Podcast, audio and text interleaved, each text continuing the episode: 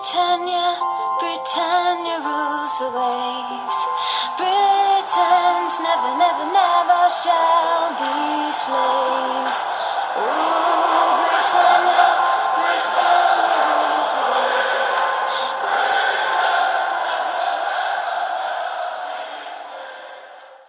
Hej och välkommen till avsnitt 206 av Svenska FPL-podden. Vi spelar in här idag måndagen den 6 februari. Av lite logistiska skäl så väljer vi måndag den här veckan. Eh, vi har en agenda för dagens avsnitt som eh, består av att vi ska kika igenom våra lag. Och efter det så har vi ett par veckans punkter, fyra stycken faktiskt. Vi måste ju nämna någonting gällande kaoset kring Man City. Vi ska spana lite på hur man maximerar Arsenal-tillgångarna, kolla in Wolves fina spelschema Eh, och sen så avslutar vi med att summera nyförvärven som kom in här i januarifönstren. Eh, veckans rekommendationer, självklart efter det. En kaptensdiskussion. Finns det fortfarande några triple captains kvar där ute, kvar att trycka av? Eh, vi, vi ska såklart beröra det också. Och sen så avslutar vi med lite lyssnarfrågor. Ni som har eh, skarpa öron hör att det är ju inte Alex som rådar det här idag som det brukar vara. Och det är för att han ligger däckad i influensa. Så Stefan, vi får klara oss själva du och jag. Ja, nej, men vi ska göra det bästa av situationerna. Mm, eller hur? Eh, vi börjar väl hoppa direkt in i, i våra lag och, och eftersom Alex inte är med så, så hugger vi hans lag direkt så har, har vi lite det avstädat. Jag tror att han är ganska glad att vi städar av det snabbt för att han hade faktiskt en ännu sämre vecka än jag har. Eh, 50 poäng eh, i dagsläget. Nu är det ju fortfarande en match kvar så det blir ju liksom asterisken. 1349 totalt, eh, en overall rank på 203k. Eh, sker så och kapten på Rashford kvar här eh, i United-matchen som, eh, som är kvar i Game Week 22. Eh, och för er som är Patreon som såg Alex masterplan som han la ut där så tror jag väl att det, det är Archer Tinketia som står på tur att göras här inför Double Game Week 23 vad det gäller byten. För egen del 54 poäng. The Anfielders skadeskjutet bygge 1307 totalt. Overall rank på 665k. Eh, och det är ju inte mycket att skriva brev om. Shaw, Martial och en vanlig Rashford-bindel kvar. Eh, och, mm, jag kan återkomma lite alldeles strax till vad, vad jag tänker inför nästa vecka. Eh, Stefan, vad, hur känner du inför eh, kalasveckan som man ändå får beskriva det som? 83 pinnar just nu, minus 4 visserligen men 79 netto, 1369 totalt, en overall rank strax inom 100k, 96 tror jag det låg på. Och sen då Shaw, Bruno och en triple captain på Rashford kvar med, med en match kvar. Ja, nej, det känns ju eh, jättebra såklart. Eh, mycket som gick rätt. Eh, man satt och var nöjd där och så kollade man liksom livescoren eh, till middagen så bara såg man att eh, att Brighton hade gjort 1-0 så bara, ja men säg att det är Mitoma då. Och så var det Mitoma. Eh, så ja, Kepa han eh, och mina, mina United-gubbar eh, gör ju att jag drar ifrån det. Jag tror att det är många som har rätt låga scorer den här veckan faktiskt. Mm. Men, men ja, återigen fina träffar. Gjorde även det här minusbytet som du pratade om. Jag satt ju med Martial och det var en jäkligt svår situation tyckte jag på förhand eftersom Martial hade, hade dubbelveckan. Man visste inte att han var skadad när deadlinen var. Eh, och eh, ja, men jag hade magkänsla på att Bruno skulle gå bra eh, och valde då att plocka Martial och Kane för att få in Bruno på mitten. Mm. Plocka in ja, Darwin Nunez och Enketia på topp så de gjorde ingen glad men men det känns ändå som att det var helt rätt beslut där. Mm. Uppenbarligen är din magkänsla betydligt bättre än min för stunden och, och Bruno Fernandes är väl liksom det tydligaste exemplet på det. Um, nej men och sen triple captain på Rashford måste ju kännas riktigt fint. 12 pinnar, 36 då med, med trippelbinden. Um, ja, den kalasformen han är i. Så, så, vi propagerade ganska hårt för det i förra podden, jag och Alex. Och, och det var aldrig några tveksamheter va? Eller? Nej, eh, dels så vill jag inte kappa Håland eftersom de skulle möta Arsenal eh, i 23an. Eh, och sen så kände jag bara att Rashford var i stor form. Nu fick han väl eh, liksom eh, en billig assist där på, på straffen men jag tycker liksom målet hängde i luften hela matchen. Eh, och eh, jag ser fram med tillförsikt här mot ett tränarlöst Leeds som står för andra matchen som vi inte vet hur det går än. Men, men det känns som att det finns fortfarande, liksom, jag skulle inte bli förvånad om, om Rashford gör en ny bra match i, i den matchen.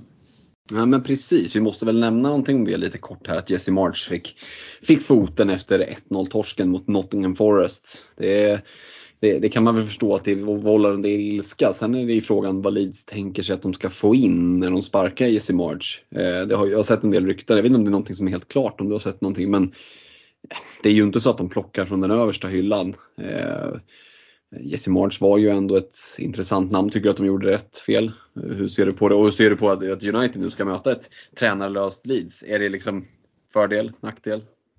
Jag tror, jag tror att det kan vara fördel faktiskt. Eh, det var lite annan situation med Arsenals torsk tyvärr när, när de skulle möta Everton borta och fick in Sean Dyche som har väldigt eh, tydliga, eh, tydlig spelidé.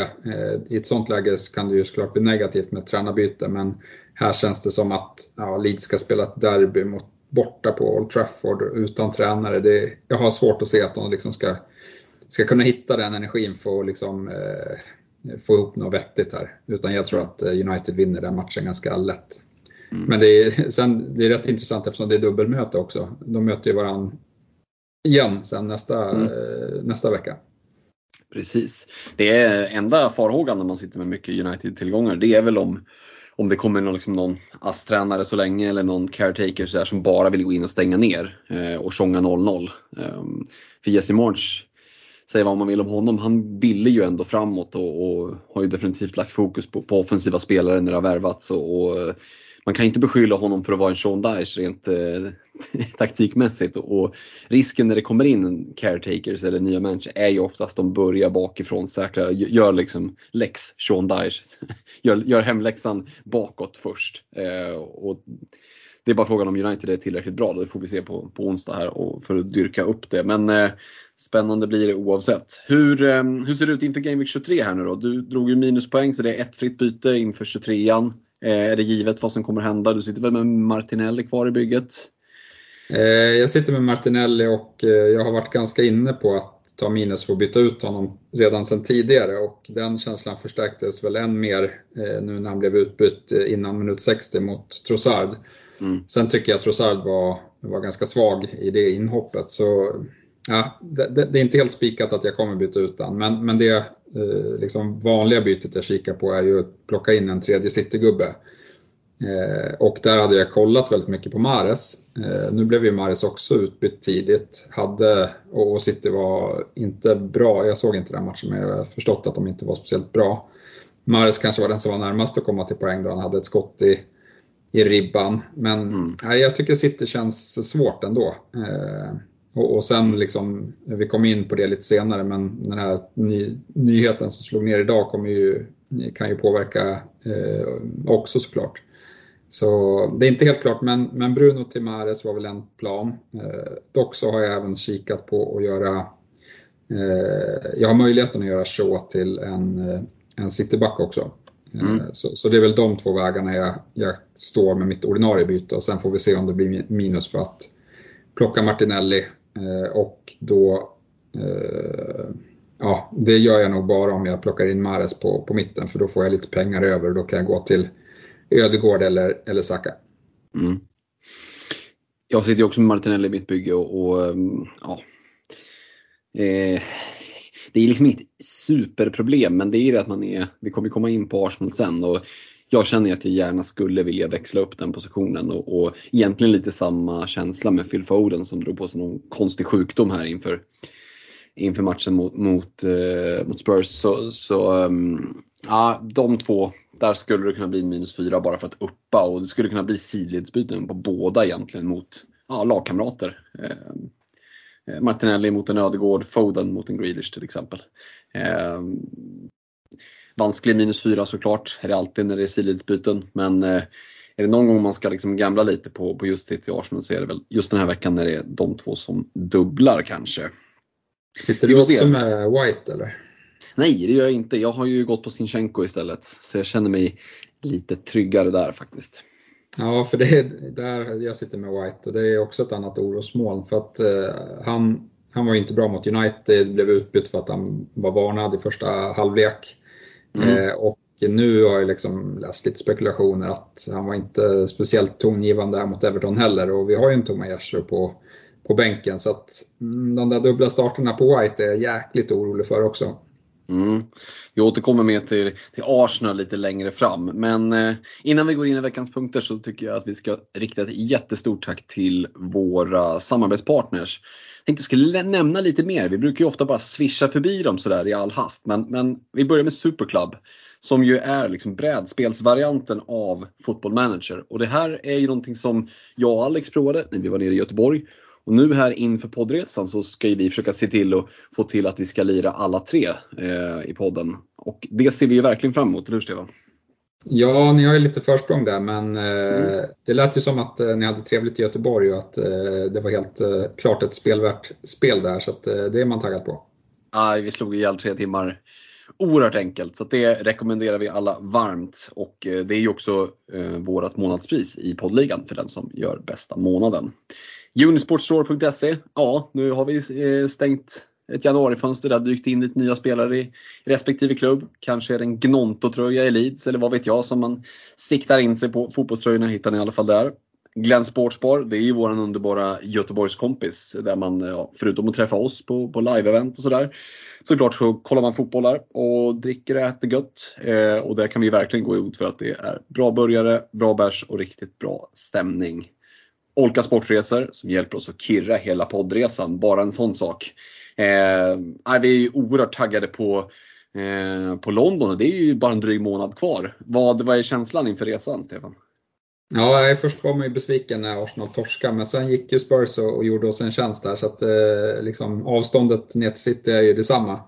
Mm. Eh, det kommer ju vara en, en bra situation för Arsenal när vi åker dit och eh, ska se Fulham Arsenal. Så det kommer vara nervigt. Eh, jag hoppas på bättre utfall än, än fjolårets eh, poddresa när det blev 3-0 torsk på, på Sellers Park. Men ja, det är lite jobbigt om, om det går bra så får man ändå inte jubla där på läktaren. Men jag ska Precis. väl jag, ska väl, jag ska väl kunna komma över det eller så blir jag utkastad från arenan. Vi får se vilket, vilket det blir. De har varit väldigt tydliga med, eh, Fulham i sin kommunikation, att No cheering for Arsenal. Eh, men, eh, och det är väl några av oss som har lite, lite jobbigare med det kanske eh, än oss andra. Men eh, det blir spännande oavsett. Eh, vi ska också nämna netshirt.se där vi har våran merch och eh, sen en tid tillbaka ett utökat sortiment så att det går att hitta liksom golfhanddukar i alla möjliga färger, paddelshorts, en personlig favorit. Lite schyssta tröjor, både kortärmade, långärmade. In och kika. Eh, alla älskar ju en eh, full kit wanker, Svenska FPL-podden. Eh, det, det kan inte bli bättre än så. Eh, sist bland våra partners vill jag nämna nakata.se. Eh, och de har ju släppt lite nyheter här i dagarna, jag vet inte om du har sett det Stefan? Att lite nya t-shirts, eh, Moji, Lampard, Balotelli, inte minst Pelé. Eh, riktigt schyssta motiv och där har ju ni som lyssnar på Svenska FPL-podden 15% rabatt med eh, koden FPL15. Så att, eh, det tycker jag definitivt att ni ska in och kika på nakata.se. Som sagt, stort tack till våra samarbetspartners. En del tycker ah, det är lite segt när ni sitter och rabblar dem. Ja, men det är faktiskt tack vare de här riktigt, riktigt goa samarbetspartnerna som vi kan ha ett grymt prisbord. Det pratar vi inte så ofta om, men ni som i slutändan kommer topp 10 i poddligan. Ni har ett riktigt feta priser att se fram emot. Och så kommer vi med lite nuggets, med lite utlottningar. Eh, mestadels till våra patreons såklart. Eh, och Patreon det blir man ju på patreon.com svenska FPL. Eh, och kan vara med och dels supporta vårt arbete med podden men också då vara med och vinna lite utlottningar. Vi har ju några lyckliga vinnare som ska med på poddresan till exempel. Eh, men vad fan, ger oss in i, i veckans punkter. Och eh, vi måste väl ändå börja Stefan i kaoset kring Man City. För vad fan var det som hände när den här bomben briserade? Kan du ta oss igenom så som du har upplevt det? Nej, men eh, Premier League går ut med ett statement där man säger att eh, City har liksom brutit mot eh, ett gäng regler, finansiella regelverk och det drar sig tillbaka så långt som till 2009 tror jag, om jag mm. inte minns fel. Och ja, men min uppfattning är väl, och som man kanske tänker direkt från början, att ja, ja, men det, det här händer ingenting med, det, det kommer läggas ner och allt, allt ska klara sig. Men det verkar inte riktigt vara så. Det verkar som att många eh, lite mer eh, liksom pålästa tror att ja, men det är nu det faktiskt händer någonting på riktigt. Eh, de har hållit på med den här utredningen i fyra år. Eh, och eh, de har även kommit fram till att eh, eh City inte kommer kunna överklaga till till KAS vad jag förstår, eh, som friade dem förra gången de var uppe i, i liksom rättegång. Eh, när som, de, var väl, de skulle väl bli utkastade från från eh, Champions League då, ja, om, precis, jag inte, precis. om jag inte minns fel. Eh, och överklagade och fick igenom sin överklagan där. Eh, så att, nej, det här skulle nog kunna bli något som, som resulterar i något riktigt stort. Jag tror mm. väl att det kommer bli en lång och jävligt utdragen rättsprocess kring det här. Det är väl inte helt otänkbart att, att anta det. Så att vi kommer nog inte ha något beslut i, i närtid men nej, det här känns, eh, det känns som att eh, det kan sluta lite hur som helst. Det är väl min, min känsla. Ja, och kikar vi på de mer direkta konsekvenserna, för jag menar vi skiter ju lite i om, om eh, vad ska man säga, eh, Mellanösternpengarna som finansierar Man City, om de får betala lite böter som, som knappt känns i liksom myntfacket på, på stora plånboken. Eh, det är vi ointresserade av poängavdrag, tror vi att det skulle kunna vara aktuellt? Förlorade titlar bakåt i tiden? Pratar vi liksom eh, Caciopoli, så verkligen så här eh, eh, Juventus-nivå på det hela. Vad hände med Pep Guardiola? Vi såg att eh, några bookies, eh, blev han, eh, vad var han, liksom den som hade eh, näst lägst odds på att, att lämna härnäst nu och det var, var han ju inte sedan tidigare om man säger så. Eh, för han har ju varit ute och svingat ganska hårt med att om om, om det är så att ägarna ljuger för honom att de inte sköter ekonomin, då sticker han samma dag. Eh, tror du att han liksom kommer att stå vid sitt ord på det om det visar sig att ja, men här har det faktiskt förekommit en del oegentligheter. De kanske klarar sig undan med lite böter men det kommer ändå vara tydligt att de faktiskt har eh, de har brutit mot reglerna. Kommer Pep att hålla sitt ord och sticka då eller tror du att han kan se mellan fingrarna? Jag vill ju hoppas att han är en principfast eh, man och då borde han ju lämna om det nu är så att, de, att City får en fällande dom. Eh, men vi ska väl liksom inte, ja, det, det, säga vad man vill om fotbollens regelverk men vi ska väl inte eh, liksom säga att det, det är klart innan, innan det finns en dom på, på plats här och, och man får väl rätta sig efter, efter att den rättegången ser, liksom, ske, går korrekt till och så. Eh, men ja, jag tror absolut att det finns en möjlighet att att han lämnar. Fast jag hade inte spelat på det för att jag tror att det är många andra människor som kan, kan lämna innan han eh, kommer lämna. För att som jag var inne på i början så tror jag att det kommer vara en ganska lång process där. Mm. Hur tror vi att det påverkar truppen nu då? Om man tänker sig framöver. Det kommer en dubbel för City här nu i Game Week 23. Det har gått lite troll i spelet. Liksom, ska inte jämföra dem med, med lag som har kommit i toppen tidigare säsonger, Liverpool och sådär. Men, men det ser ju inte jättebra ut. Eh, en Erling Haaland som lämnade matchen här mot Spurs, första Premier League-matchen för honom utan ett enda avslut på mål. Eh, ser lite mer frustrerad, lite mer isolerad ut.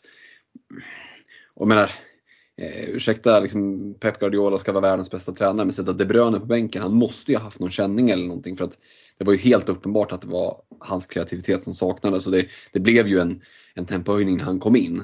Eh, vad, vad tror du, hur påverkar det här truppen överhuvudtaget? Finns det liksom en oro kring att ja, men att man blir utslängd från Champions League och att man inte får spela det. Eller jobbar spelarna på som vanligt och, och, och håller sig i sin bubbla.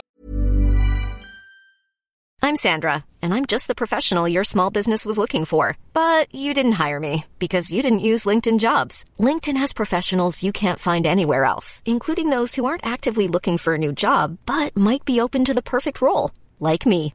In a given month, over 70% of LinkedIn users don't visit other leading job sites. So if you're not looking on LinkedIn, you'll miss out on great candidates like Sandra. Start hiring professionals like a professional. Post your free job on linkedin.com/people today.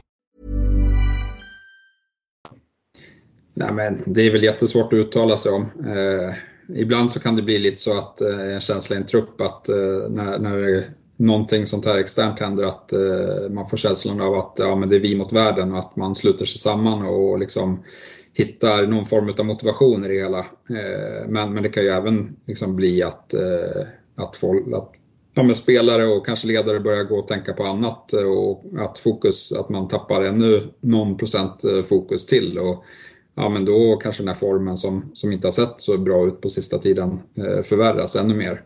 eh, jag, jag, är nog inne lite på att eh, det inte kommer vara något eh, åt det positiva hållet i alla fall. Mm.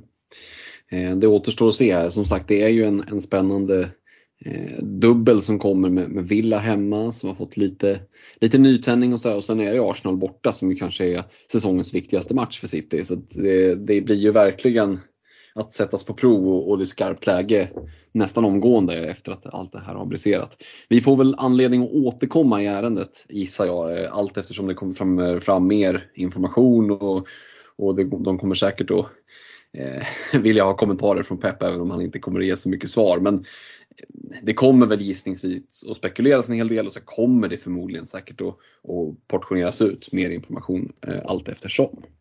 Ja, hade, hade det varit ett annat läge liksom i, i FPL om man tänker kring det så hade jag ju nog eh, försökt minska min exponering mot City men nu med dubben och så liksom efter dubben med Forest och Bournemouth i 24 och 25 så jag kommer inte våga släppa en enda City-tillgång. Jag kommer troligtvis byta in så att man sitter trippelt eh, också. Så att det är väl bara framtiden får utvisa hur, hur det här påverkar men jag kommer sitta full, fullt exponerad ändå. Mm. Och bara lite snabbt, De Bruynes bänkning. Eh, känner vi att han har fått sin vila nu och att han snarare då borde starta 5-6 matcher i rad eller är det något som oroar att även han roteras? För, för egen del så är inte det här något problem för att jag har ju redan honom. Det är väl mm. svårare om man står där och hade tänkt byta in honom. Eh, hur man ska se på det. Det som är bra i det här fallet är väl att eh, det gick eh, kast för City. De torskar matchen. Eh, de kommer inte göra, ja, han kommer inte våga bänka De Bruyne igen. Eh, det tror jag inte, utan han, han, kommer spela de här två matcherna. Så tror man att eh, de kan göra det bra, då, då tror jag att De Bruyne är ett bra eh, alternativ här. Mm. Går vi över till det laget som faktiskt är bättre än City i ligan, Arsenal då, så handlar det väl kanske där mer, inte så mycket om oro utan mer om att maximera de här. Man får ju bara ha tre spelare från varje lag. Och, ja, hade det varit något lag man haft, man haft fyra ifrån så hade väl Arsenal varit en ganska het kandidat. Som sagt, nu är det bara tre platser. Om du sitter på ett wildcard, eh, vi ska inte prata så mycket om just wildcard, men om du sitter med liksom, eller ett free hit för den delen. Vilka tre eh, Arsenal-spelare eh, är det som du håller högst då? Det är en jäkligt svår fråga. Eh, för att det beror ju liksom, ja, wildcard såklart, men jag hade gått på Gabriel i backlinjen eh, mm. faktiskt. Eh, jag tycker, ja men, om det, jag tror att det kommer komma någon så här fast situation, utdelning eller liknande. Eh, och jag, kanske, jag tror att Sinchenko är ett bra alternativ också. White tror jag, där har jag frågetecken. Eh, så, så jag hade gått på Gabriel. Jag hade gått på Saka, han känns hetast på mitten just nu. Eh, och sen så står den sista platsen mellan Ödegård och eh, Enketia. Och där är det ju såklart för de som inte har wildcard så är det ju väldigt beroende hur ens lag ser ut. Mm. Det är ganska trångt på mittfältet vilket gör att det är lättare att plocka in en Enketia utav den anledningen. Eh, men om jag skulle liksom ställa de två mot varandra så så hade jag ändå gått på, på Ödegård här för att eh, ja, men vi har sett Jesus tillbaka på träningsplanen. Han kommer vara borta ett par veckor till. Han behöver bygga upp sin fysik och, och spela lite matcher i, i B-laget. Så. Men tids nog så kommer Jesus vara tillbaka och då blir det en helt annan situation för Enketia. Eh, och bytena är värdefulla, även om det inte känns som så nu så ja, men det pinnar på snabbt med omgångarna. Snart är vi framme där vi Game Week 28 när eh, det är blanks igen och man måste ha eh, liksom alla tillgängliga spelare och då, då eh, kan Enketia vara ett problem. Mm. Gällande Saka där som du höll före Ödegård, tror du att han tappar straffarna nu när Jorginho kom in? Nej, det tror jag inte. Mm. Eh, jag tror inte det och jag tror inte att Jorginho kommer vara på plan eh, jättemycket heller om inte eh, någon går sönder. Så att det, jag hade inte tagit upp det som en faktor, eh, som ett problem. Eh, om det är så att det visar sig att han faktiskt går före i straffordningen så ja, då, då, är det väl, då får man väl ta ställning då. Men Saka, det är inte så att Saka har bränt massa straffar. Han har slagit in väldigt många bra, viktiga straffar för Arsenal. Så att, eh, jag tror inte att, eh, att Jorginho bara kommer in och, och tar den, det ansvaret direkt. Mm, ja, intressant. Eh, Martinelli då var vi lite inne på där när vi pratade våra byggen. Vi måste ju nämna någonting om det. Utbyte i vadå, 57 minuten och har ju, nej, han har ju sett kall ut. Eh, du var inne på att Trossard inte såg superbra ut. Å andra sidan har han inte fått de här starterna heller och fått chansen liksom att komma in. Är det inte ändå ganska troligt att vi får en Trossard-start, minst en i alla fall, i dubben som kommer här? Jo, det, det kan absolut hända. Eh, jag, jag håller med. Jag har, jag har ju flaggat upp länge att jag inte har varit riktigt nöjd med Martinellis form. Det känns som att han har saknat lite självförtroende efter VM. Eh, inte varit lika självklar när han utmanar. Eh, han, han, utmanar fortfarande, men han, han dribblar första gubben och sen blir han tveksam och så vänder han tillbaka mot, mot eh, liksom långsidan och så passar han hem bollen. Lite så känns det eh, allt för ofta eh, i, i Martinellis fall. Och Trossard han har fått mest inhopp i ligan. Han, han fick ju starten i FA-cupen när vi åkte ut mot City och mm. Eh, då var han en av de eh, bättre offensiva spelarna, eh, ska, ska sägas. Så att det finns absolut en risk där. Och ja, frågan är vem, vem liksom, vart risken är störst. Om, om risken är störst för att White eh, blir bänkad en match eller Martinelli blir bänkad en match här inför, inför City. Ja, hur går snacket i Arsenal-led just gällande White kontra Tomiyasu som är tillbaka och har sett ganska pigg ut och någonstans ändå erbjuder ett bättre offensivt hot. Eh, och ju är en, faktiskt en naturlig ytterback. Man ska ju komma ihåg att White är ju faktiskt mittback eh, i grund och botten. Eh, är känslan att Tomiyasu kommer närmare och närmare att ta tillbaka ytterbacksplatsen eller? Inte, inte känslan just nu men, men eh, eh White hade den här situationen i engelska landslaget när han drog från truppen i VM. Eh, och eh, sen kom han tillbaka och gjorde någon bra match för Arsenal efter VM. Tänkte man, ja ah, skönt, eh, det kanske inte var så, kanske inte påverkade någonting. Men, men sen nu har det kommit de här två matcherna mot United där han förvisso mötte Rashford i stor form. Eh, men, men hade stora problem. Och eh, sen var väl hela laget dåligt nu mot Everton. Men han, han gjorde inte någon topp toppeninsats. Och det, eh, när det fin, I ett sånt läge när det finns en bra backup på, på bänken så finns det alltid en, en risk. Så nej, jag tror att eh, risken är ungefär lika stor på White och Martinelli. Eh, bänkning mot eh, Brentford. Mm. Jag tänker lite kring att om de får varsin start, eh, White och Tomiyasu, så känns det ju mer logiskt att spela Tomiyasu mot Brentford hemma och sen att kanske ta in White som är lite mer defensivt skicklig ändå, eh, mittbacksegenskaperna i den viktiga matchen mot City att då hålla till, gå tillbaka till ursprungliga liksom, bakfyran som, som man har haft under säsongen. Och det är klart att får man en match i dubbeln då vill man ju kanske hellre ha Brentford hemma eh, än, än City hemma. Men det är ju spekulationer, vi får väl se vad som händer. Eh, är det ändå så att du liksom finns, att, finns att du överväger en minus 4 för att plocka White eller vill du mer se att han petas innan det är dags att plocka honom? Ja, men det blir, lite, det blir lite många minus om man ska plocka både White och Martinelli eh, inför dubben här. Eh, så äh, det, det, tror jag inte att jag kommer göra, eh, även om, om jag ser eh, risker i, i båda. Mm. Men, mm. men jag tror absolut, och, och, en, en till grej då, om man ska gå liksom på detaljer, så tror jag att eh, White är inte den liksom, allra kvickaste. Brentford har rätt kvicka kvicka yttrar med Mbuemo och vissa. Eh, så att, och där tror jag det skulle kunna passa Tomiyasu lite bättre som är kvickare. Mm, det är en bra, bra point. Jag skulle säga att Arsenal har ju match i, i Blank Game 25 också, Leicester borta. Eh, så visst känns det ganska givet nu med dubben, match 25. Man, har man in, sitter man inte på trippelt Arsenal då är det nog läge att, att lasta in så att man sitter trippelt där, eller hur?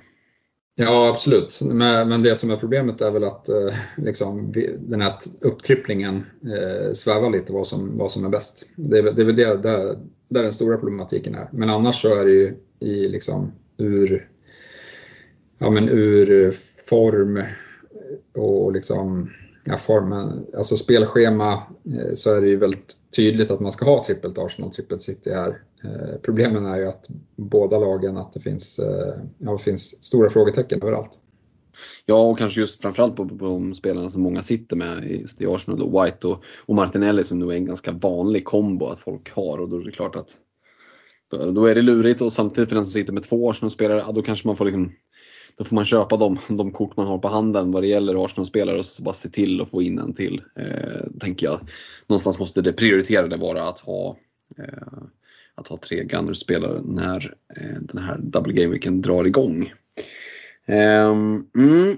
Arsenal, vi får anledning att återkomma dit, garanterat. Eh, jag tror att den här plumpen mot Everton eh, var liksom ett olycksfall i arbetet. Som sagt, det var, det var ju helt fel läge att möta Everton.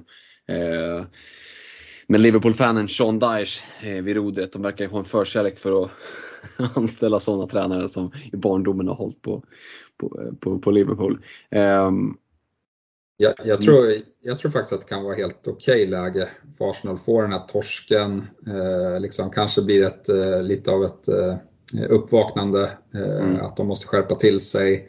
Om de nu bara kan studsa tillbaka mot Brentford så tror jag ändå att man går in i City-matchen med rätt, eh, rätt bra eh, inställning. Och, och, det skadade ju inte att City inte satte mer press på oss genom att vinna sin match mot, mot Spurs utan att de torskade den också. Precis. Gjorde, gjorde ju att liksom, pressen inte känns eh, mördande eh, här mot, mot Brentford. Men Brentford är ju å andra sidan i väldigt bra form. De har väl nio raka utan, utan förlust och, och stod för en, ja, men en ny fin insats eh, här senast med 3-0 vinst. Mm, jag tänkte säga det, det är ett lag som verkligen flyger lite under radarn men har gjort en, en oerhört fin säsong. Eh, har ju klarat sig men ganska, det är väl Ponne som har varit skadad där men, men där har de ju fått in Ben Mi i backlinjen som, som har gjort det väldigt bra. Och, ja, men det är inte så sexiga spelare, det är inte jättemånga heller av dem som är FPL-intressenter. Så. Det, det är väl framförallt Tony där då med, med sitt avstängningsläge Eh, som är den stora intressanta. Men i övrigt så är det ju ett lag som är väldigt, väldigt svårspelat. Eh, så att, eh, nej, de har gjort det, de har gjort det bra. Eh, ett annat lag som ska inte säga att de gjorde, de gjorde det bra här senast, det var kanske inte så jävla svårt. Det är Wolves. Eh, de gick och slog Liverpool i ligan. De har ju ett himla fint, fint spelschema och det här tänkte jag att jag skulle försöka grotta lite mer i. Och just Wolverhampton är ju ett svårt lag den här säsongen. Jag vet inte om du har det framför dig, annars skulle du få en, en, en, eh, en riktigt klurig fråga. Hur många poäng tror du att den Wolverhampton-anfallare i spelet Eh, har tagit som har tagit flest poäng i spelet alltså. Ja, det är inte mycket tror jag. Eh, säg att det är 30 poäng kanske. Ja, det, det, är någonstans där jag hade gissat också. Det är ju dessvärre så att det är för jävla illa. Det är Diego Costa som har tagit 10 poäng. eh, så, så, de har alltså inte en anfallare i, truppen som är i spelet som har tagit mer än 10 poäng. Eh, sen är liksom Ruben Neves bästa poängplockare med 77 poäng på mittfältet. Och sen är det ju Killman i backlinjen som är, sticker ut, har tagit 65 poäng. Eh, och det är väl kanske framförallt Killman som eh, är den stora liksom, utropstecknet vad det gäller FPL i ett Wolves.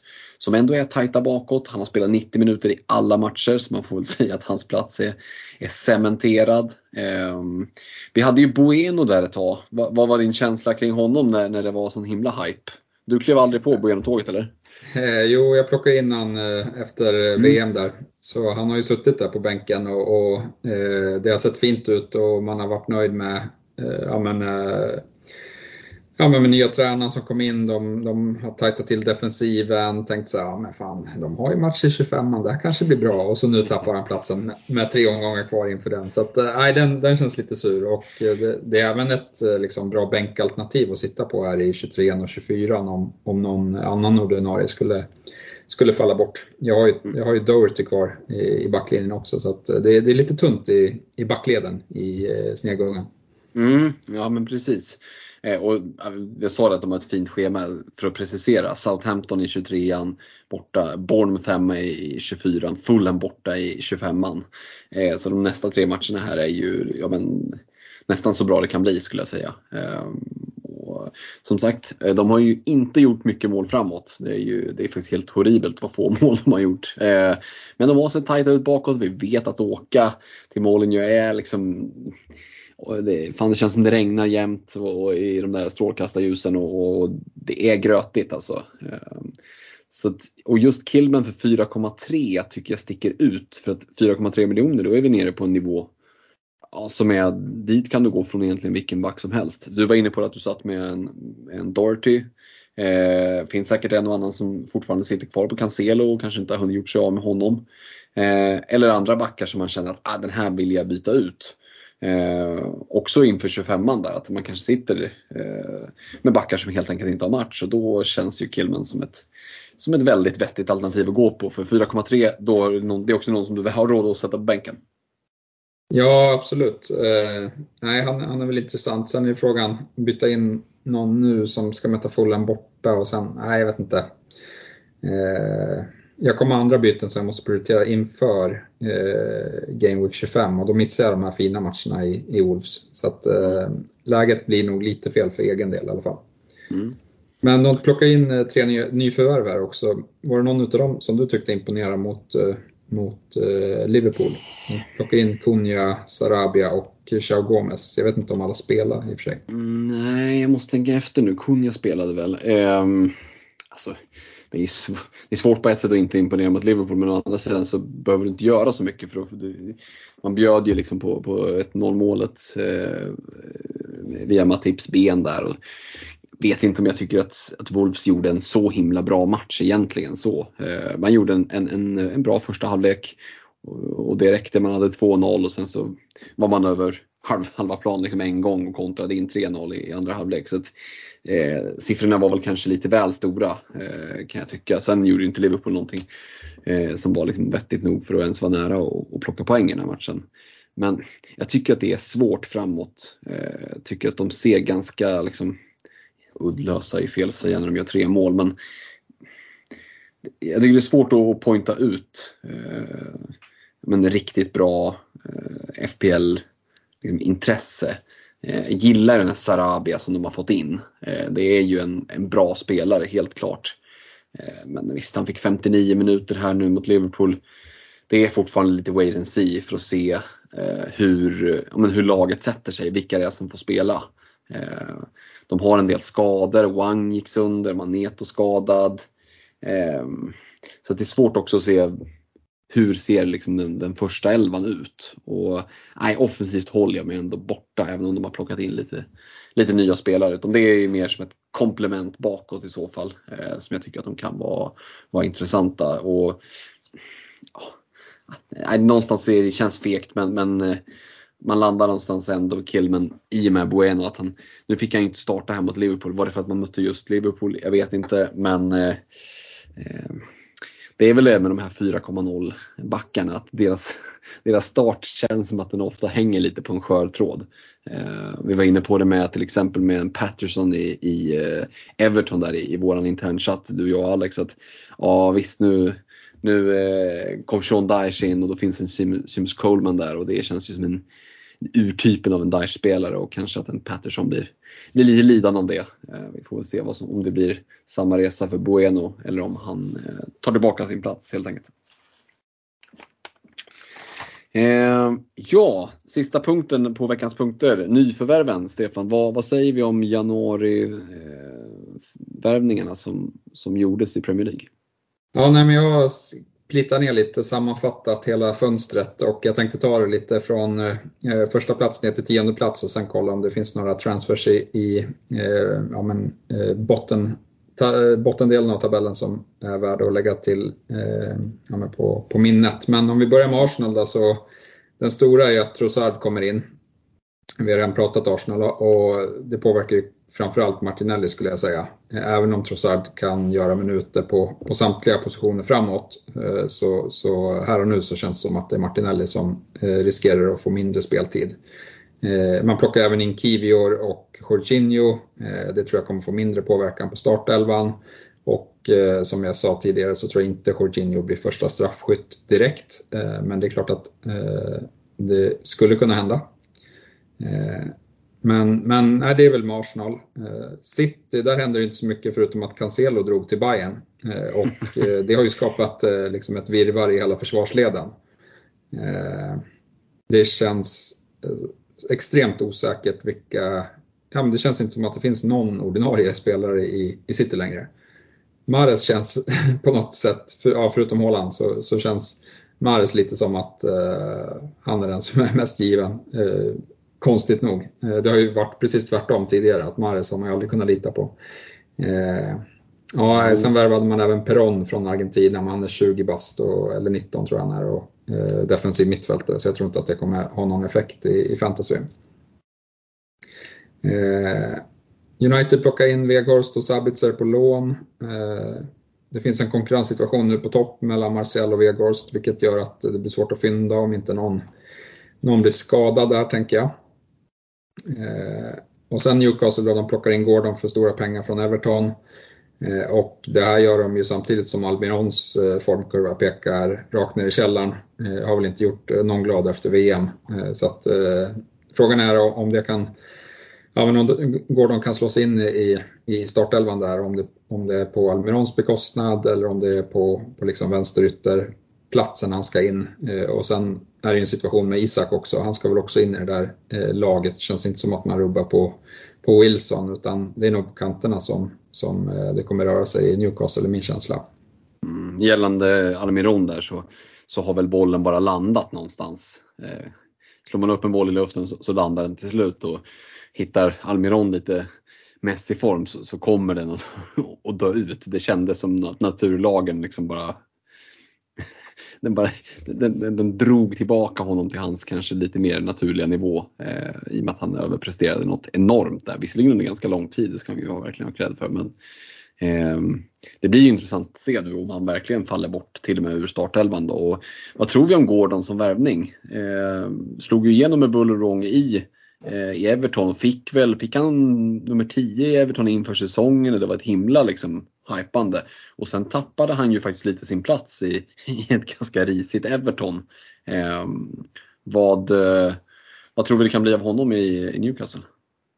Ja, nej, men det kanske var så i Everton att liksom egot tog lite överhanden när han slog igenom och så liksom blev han lite, fick lite hype kanske eh, på sin egen förmåga. Eh, jag tror att jobbar han sig in i Newcastles 11 Eh, då tror jag att han kan säkert hitta tillbaka.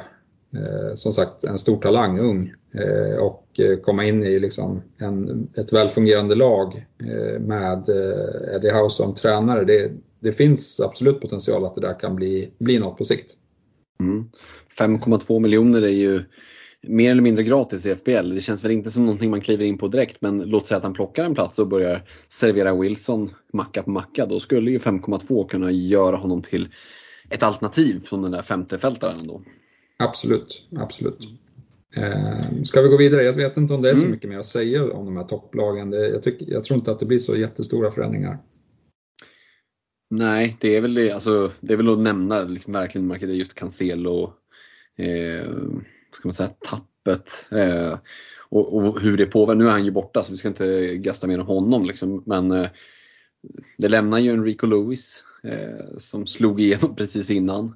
Eh, och, och, det som egentligen finns emot att Lewis ska spela match ut match in det är väl att man ser Kyle Walker som högerback och Nathan Ake som vänsterback. Och det är klart, det är ju ändå två betydligt mer rutinerade herrar som, som skulle kunna gå före i vilken match som helst. Eh, Vågar du jag, på någon gissning där hur Pep tänker kring ytterbackarna?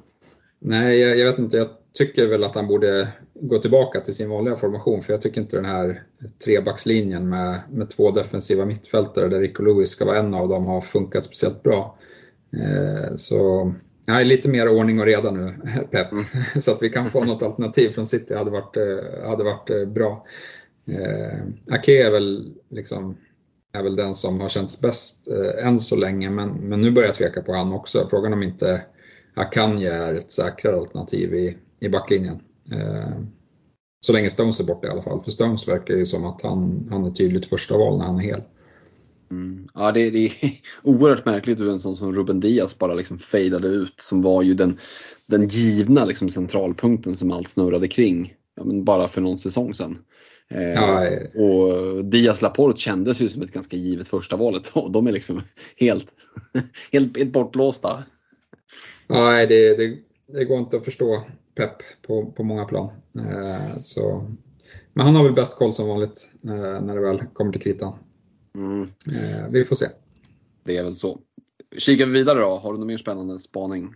Ja, men Spurs plockar in han Porro från, mm. istället, för, istället för Doherty. Eh, men, men, samtidigt så, vad jag förstått som, så gjorde Emerson Real kanske sin bästa match för, för säsongen eh, i, i Spurs här mot City. Så att det verkar ha fått en positiv effekt på, på Real, eh, att han har fått ny konkurrens.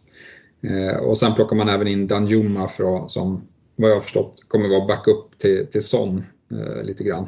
Eh, men, men det är väl inga heller några nyförvärv som, som liksom lockar där. Eh, så det finns en konkurrenssituation på, på ytterbacksplatserna och det är väl synd för att eh, Spurs ytterbackar har vi sett kan vara alternativ i, i bra eh, spelscheman. Ja, man kan inte låta bli att tänka på, eh, på en eh, Matt Doherty, att han hamnade just i Spurs där med Arsenal supportandet som förflutet. Att det, det, blev ingen bra transfer. Det, det, kan man ju inte säga. Han kan ju inte vara nöjd med sin tid i, i Spurs. Från det att han, han var ju oerhört liksom bra och hypad när han lämnade Wolves där. Och sen så, det sket sig big time i, i Spurs. Det går inte att säga någonting annat. Ja, nej. Eh, det är tråkigt för honom. Eh, sen om vi går vidare då, Brighton, de värvade några unga talanger från Argentina och AIK faktiskt. Men största nyheten här var ju att de eh, behöll Caicedo på deadline day. Och ja, men man bänkade honom i, efter det. Bannade honom från, från att och träna med laget där under transfersoppan. Men han hoppade in här och eh, Brighton fick ju med sig en ny trepoängare mot, eh, mot Bournemouth. Eh, och mm. han fick stående ovationer från, från publiken. Så att, det är nog väldigt viktigt för Caicedo och det känns väl som att han ändå kommer ta sig samman och ta sig in i, i startelvan där igen för Brighton. Och det kommer väl framförallt stärka deras lag som helhet. Ja, och defensiv. Jag tänker han, han har väl någonstans ändå ett Eh, ett intresse av att bibehålla eh, hypen kring sig till sommaren och se ifall det kommer eh, nya bud då. Det, det, någonstans känns det ju ändå sunt, även om både ditt och mitt lag var och ryckte lite i Caicedo, att, att ett lag som Brighton kan stå emot när det, när det slängs upp 70 miljoner pund på bordet, 60-70 vad det nu var. Eh, att de inte bara liksom går in och plockar. Vi är inte inte Tyskland på det sättet där Bayern München bara tar vad de vill ha utan de stora, eh, stora klubbarna i England ville ha honom. Brighton hade någonstans ändå förmåga och men kanske framförallt ekonomisk förmåga att tacka nej. För det är, det är mycket pengar vi pratar om om en spelare som det är inte så att han har presterat, han har inte varit bästa centrala mittfältaren i, i Premier League i fem år i sträck utan han är ju nyligen värvad till Brighton eh, för betydligt mindre pengar och, och han har gjort det bra. Eh, men eh, han är ju han är Premier League-proven men inte så mycket mer va? Nej, men eh, han är väl främst att han är så, pass ung och, skulle kunna blomma ut till, till en riktigt bra spelare. Mm. Men, men det är uppfriskande. Jag, jag är klart partisk i det, i det, här. Jag hade ju gärna sett honom i, i, Arsenal, men jag tycker att summan ändå drog iväg så pass mycket så att ja, men hela fönstret eh, blev ju konstigt eh, såklart. Men eh, nej, det, det är uppfriskande att, liksom se en eh, Brighton verkar ju vara en oerhört välskött klubb och, och det är kul och, och, att de kan, kan gå så bra tycker jag. Mm. Eh, om vi går vidare, Brentford inget av värde, Fulham inget av värde, ja, Chelsea där, inget av värde där heller va? ja, det, är, det, är, det är ju roligt med alla, alla memes på, på sociala medier, kanske framförallt Twitter med, med så folk som står inför folksamlingar och så säger man här är liksom Potters när han pratar till, till Chelseas trupp här efter, efter januari. För det, det har ju, ja har du fått med liksom, eller tog pappret slut där när du skulle börja lista alla, alla nyförvärv? Nej, jag plockar inte med allihopa, men, men de plockar in Enzo Fernandes för mm. ja, 1,3 miljarder. Eh, Mudryk för var väl en miljard. Eh, Badia Chile från Monaco, Madueke, Fofana och Chao Felix. Det är väl de, de eh, sex liksom som kommer i avtryck här. Eh, och sen får vi väl inte glömma att en ny straffskytt ska, ska utses i, i Chelsea också nu när Jorginho lämnar. Mm, och vi tror väl inte att det blir en Aubameyang för han, han dök upp i Milano där och, och blev petad från Champions League-truppen. Han känns väldigt off från truppen. Och visst var det Joao Felix, Mudryk och Enzo Fernandes som lades till till truppen va? Eh, ja, det var det nog ja. Ja, jag tror att det var de tre, för de hade, var väl lite huvudbry där vilka, vilka av nyförvärven som skulle få, få hoppa med i CL-truppen. Jag tror att det var de tre. Eh, men att Aubameyang också då petades och, och Nej, jag vet inte. Han känns som att han har kommit snett på det i Chelsea också nu med, med Potter.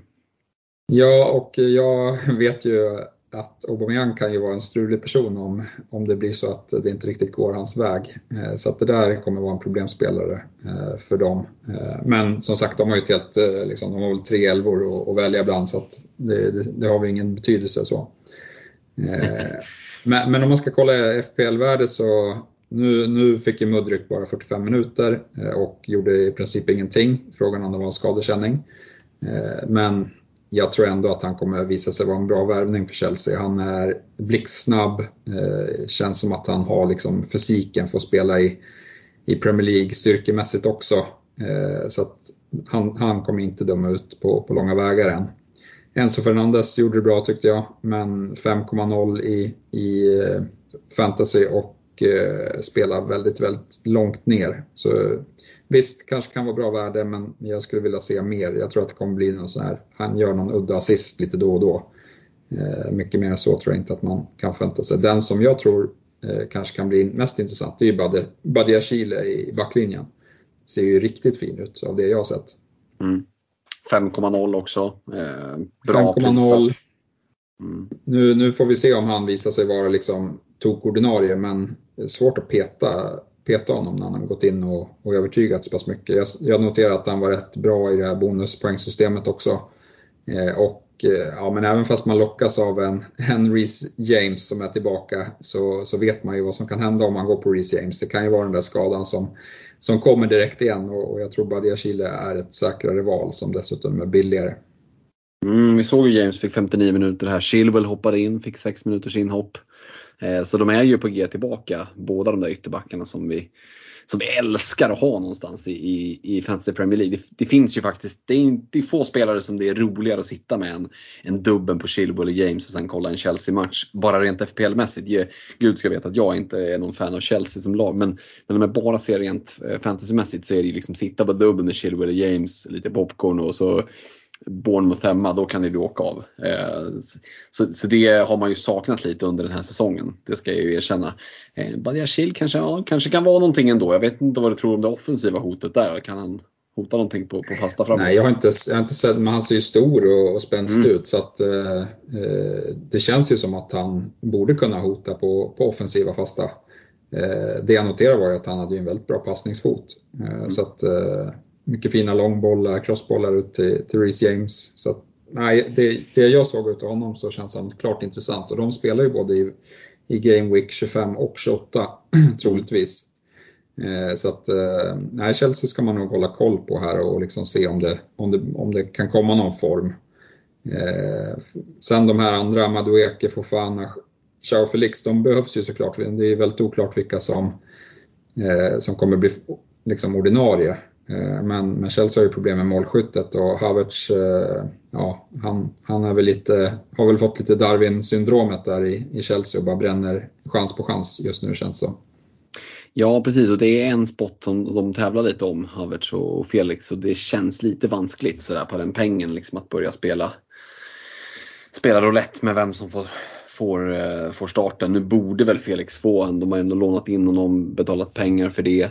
Eh, och som du säger, Havertz har inte rosat marknaden och, och öst in mål.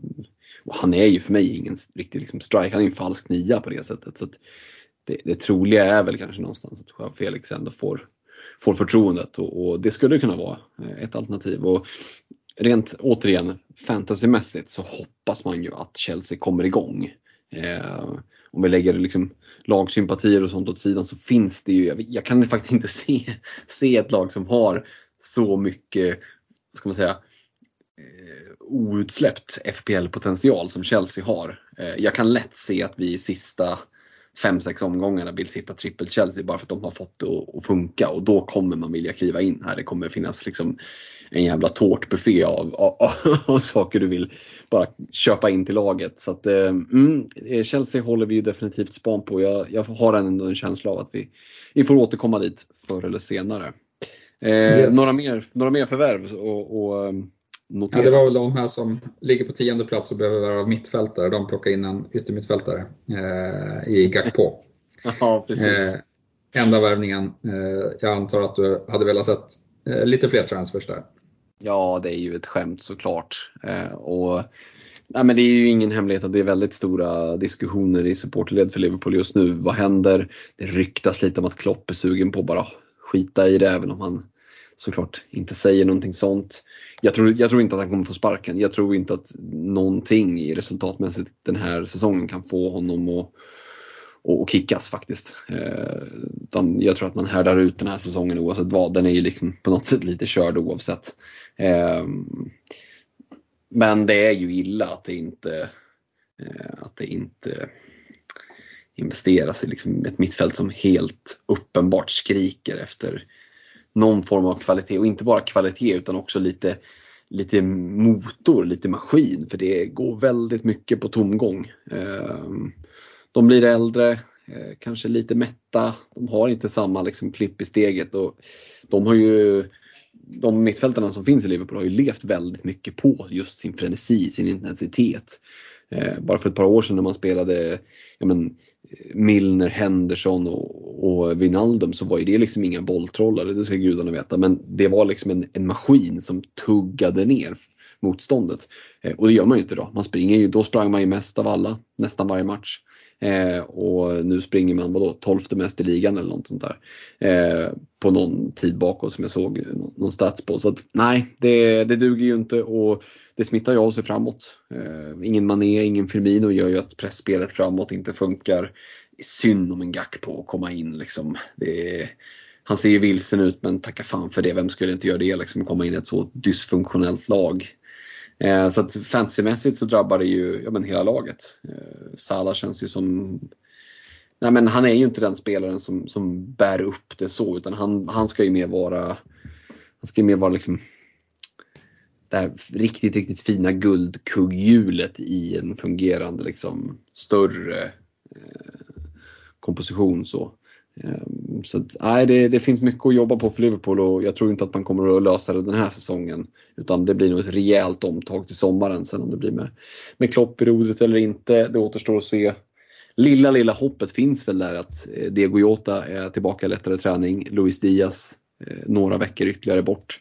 Så att, Eh, vi skulle ju i bästa, bästa fall, och det är väl det röda hjärtat som talar kanske och hoppas mer än tror, eh, att eh, Liverpools anfall skulle kunna bli aktuellt framåt slutet av säsongen. Om Diaz, om Jota kommer tillbaka, Firmino eventuellt, att det kan bli lite ja, men bättre konkurrens framåt och att de kan börja få igång spelet. Trent Robertson, där har jag lite gett upp. Alltså, jag tror inte att eh, Liverpools defensiv kommer att vara speciellt bra. Den kommer i alla fall inte vara tillräckligt bra för att det ska vara värt att investera liksom, de två dyraste backarna i spelet. Det, det tror jag inte. Men eh, jag vet inte vad du tror kring anfallet mot slutet av säsongen om de här eh, skadade spelarna kommer tillbaka. Nej, men jag stod ju där inför, inför den här omgången och skulle byta in en, en anfallare och ja, plocka in Nunez. Ja. det ångrar man ju redan. Men, ja, det eh, förstår jag. nytt bränt friläge. Eh, det var ju för sig förväntat. Man, man visste ju att det skulle ske. Eh, ja. Och eh, nej, jag vet inte. Det är klart man kunde gått för någon annan. Det var svårt att hitta, hitta någon. Jag skulle ha att de skulle spela 25 man eh, och kanske inte att man skulle ja, men skulle kunna, kunna ha dem i 28 också och det är inte spikat att Liverpool har match då men mycket talar för det eh, ändå. Mm. Så jag tänkte bara, och, och sen går det rykten om en eventuell dubbel i 25an och nej, jag drog en chansning, hoppas att den där dubbeln utannonseras. Vi får se vad som händer. Eh, men, men, min tanke var väl att när de här är tillbaka, det skulle liksom, borde det inte vara läge för Klopp att bara skicka ut den där 4-2-3-1 och, och ja, man, köra fyra riktigt offensiva framåt så får det bära eller brista. Det blir lite Hawaii-fotboll men eh, liksom att, att de, eh, kvaliteten på dem framåt ändå kommer eh, kunna leda till lite resultat. Mm, jo men det tror jag definitivt att det kommer att experimenteras en hel del. Eh, och det kommer att, och, det, vi kommer nog kunna se allt möjligt. Eh, och med fokus på, på anfallsspelet. Det, det tror jag definitivt när, när eh, de skadade spelarna är tillbaka. Och Nunez är ju ändå en så pass, eh, dels eh, liksom marquee-värvning så att han kommer att få speltid. Han är ju också tillsammans kanske med Firmino den enda tydliga liksom, centrala striken. Eh, jag vet att en del håller Jota som det. Jag tycker ju mer att han ska utgå från en kant. Jag tycker att han är bättre då. Eh, för jag tycker inte att han har fysiken för att spela i mitten. Och, ja, vi tjatar ju om det men någonstans tar han sig till lägena och börjar han bara trycka dit dem så då kan det lossna för, för Darwin Nunez. Eh, sen har väl jag vet inte om jag ska säga att jag har tappat hoppet på att det ska ske den här säsongen men ja, det, nu är det vad det är, tänker jag. Eh, det är ju inte bara Darwin Nunez fel att Liverpool ligger tia i ligan och, har förstört sin säsong. De problemen finns ju definitivt i större utsträckning på centralt mittfält och, och i, i mittlåset skulle jag säga. Eh, det är liksom en kombo. Det är ju egentligen bara Alison Becker som har varit på sin rätta nivå eh, den här säsongen. Ehm, så att, äh, det, det är ju ett haveri. Dels för Liverpool som lag och som klubb. Och FPL-mässigt så är det liksom bara att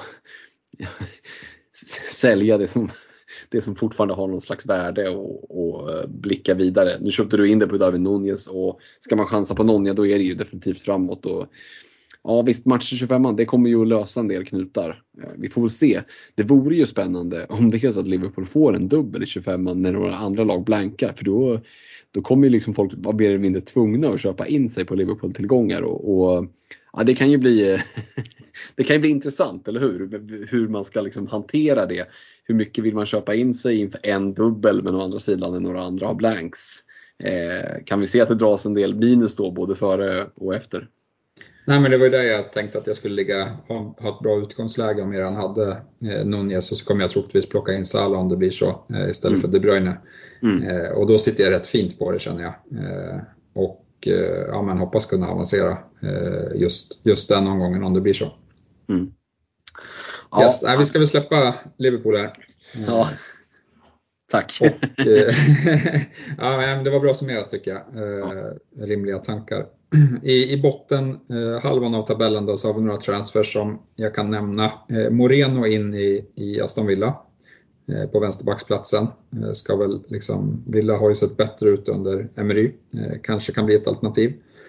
Bournemouth plockar in tre namn. Traoré på topp där som kanske kan bli en frälsare. vi brukar ju kunna se i slutet av säsongen i alla fall, lag som slåss där nere att ha mycket att spela för, att det kan vara alternativ att plocka in i, i fantasy om det är en billig peng. Leeds plockar in Rutter för, för Eh, hyfsat dyra pengar eh, på topp. Eh, och ny tränare där också så får se om, om Rutter kan bli ett alternativ. Annars den som kanske har imponerat mest här på kort sikt det är ju TT i, i Leicester, in på lån från Shakhtar. Eh, bäst på plan direkt eh, mot Aston Villa senast. Eh, såg riktigt fröjd ut. Eh, och ja, med vänsterfot, eh, utmanade mycket, gick förbi sin gubbe. Eh, han tror jag faktiskt kan vara något att hålla utkik efter. Nu har Leicester ganska eh, rackigt spelschema här, eh, men, men håll koll på TT. Eh, West Ham plockar in Ings från Aston Villa. Eh, nu ska väl han ta en plats där till att börja med innan han kan vara ett alternativ, men vi vet att han är en pålitlig målskytt i alla fall. Eh, och så Wolverhampton då, men de har vi redan pratat om in med Chao Gomez, Sarabia och eh, Kunja i januari. Mm. Gällande Dan Ings där så innan han tar en plats ska han ju se till att hålla sig skadefri också. Det är kanske den största eh, bedriften om han lyckas med det. Eh, men jag håller med om TT, det är, eller Tetri, jag vet fan hur man uttalar det. TT säger vi eh, i Leicester. Att det är ju verkligen någonting att hålla span på. Och ganska fint också att det är ett lite tuffare schema här så man kan få ett par matcher och, och verkligen liksom se om, om han håller motet. Tottenham, United, Arsenal i tre raka matcher. Duger han i de tre, ja men då, då finns det ju ett schema som lättar upp lite grann i alla fall för, eh, för Leicester och framåt slutet av säsongen ser det riktigt fint ut. Så att, eh, definitivt någon att hålla span på. 5,5 miljoner. Vi gillar ju de här low, low mid price mittfältarna som bara är enkla att kliva till från, ja men egentligen vilken fältare som helst. Eh, och, ja, det, där finns det ju differential-värde helt klart. Var det någon av de andra som du nämnde som du tyckte var värde ett extra omnämnande och någon kommentar? Nej, egentligen inte. Men jag tror alla är lite wait and see. Eh, mm. så, men, men, ja, men Rutter, det var väl liksom han har inte fått chansen än, men det var väl rekordpengar eh, in där eh, för, för Leeds dyraste värvning tror jag. Det är bara frågan om det var March värvning eller om det var ja, exakt, exakt. Eh, det, det, det känns som att vi kommer få ganska bra eh, liksom svar på den frågan eh, när ny tränare är på plats och, och det går ett par matcher. För att får han spela mycket, ja men då är det inte säkert att det var March värvning. Sitter han bänk och var liksom deras dyraste värvning då, då tycker jag lite synd om att bli plockad av en tränare och sen så, så ryker tränaren det första som händer. Ja. Eh, vi ska väl säga det också rent svenskmässigt där så försvann väl Ludvig Augustinsson från, ehm, eh, från eh, Villa i samband med att ehm, eh, Moreno kom in på vänsterbacken. Så vi har Ja, det stämmer. En, en svensk mindre. Um, ja, nej men eh, vi ska väl inte grotta ner oss i, i, i bottengängens övergångar mer än så. Vi kliver vidare mot veckans rekommendationer tycker jag. Jag har ju lite, lite last kvar sedan förra veckan och kan väl egentligen bara gå igenom de försvarsrekarna jag hade från förra veckan och det var Sinchenko, Mings, Ake. Och har kikat lite, funderat fram och tillbaka men landar nog ändå i att faktiskt hålla alla tre. Jag tycker Sinchenko fortfarande är ett riktigt fint val. Tycker att Mings med matchen i 25an och ett Aston Villa på uppgång. Fin för de pengarna. Eh, och sen är det liksom den här lottodragningen. Eh, i, rouletten i, i City då. Men ja, du var inne på Akanji, jag tycker ändå att Ake också ser stabil ut. Eh, och eh, fyller på framåt en del, är, hotar på fasta situationer. Så att för min del är det Sinchenko, Mings, Ake som är kvar i reken. Eh, men du Stefan har ett blankt blad vad det gäller rekommendationer. Så tre stycken försvarare är jag intresserad av att höra. Ja, vi är samma lag och det kanske finns en anledning. Jag har plockat Gabriel och Akanji från, eh, från City och Arsenal eh, och det har ju mycket att göra på liksom dubben som kommer här eh, såklart. Eh, och eh, ja, men de, Gabriel då, han, han tror jag, liksom, när det blir sådana situationer, det, det fanns någon straffsituation här mot, mot Leicester på slutet, men han är alltid där. Eh, någon gång kommer han få utdelning, någon gång kommer han komma loss, eh, någon gång kommer han göra mål igen för att han, han hotar på fasta helt enkelt.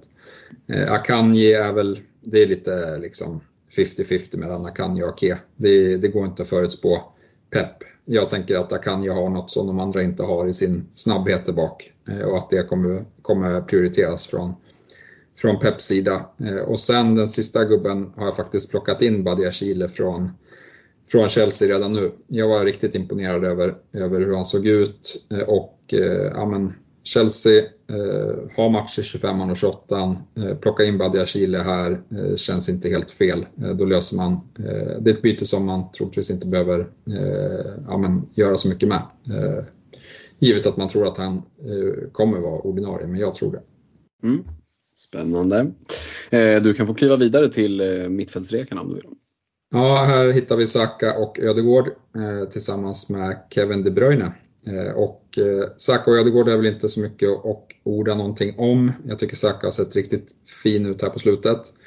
Ödegård ska man väl ha med, han blev utbytt här mot Everton ganska tidigt. Jag har sett någon spekulation i att eh, Everton spelade ju ganska eh, hårt och så Daesh-fotboll och eh, sett rykten om att Ödegård fick en hel del eh, sparkar eh, och att eh, man ska liksom hålla koll på innan man byter in honom inför dubben så att han, så att han tränar i veckan och inte drog på sig någon, någon form av skada där som det inte har nämnts något om i alla fall.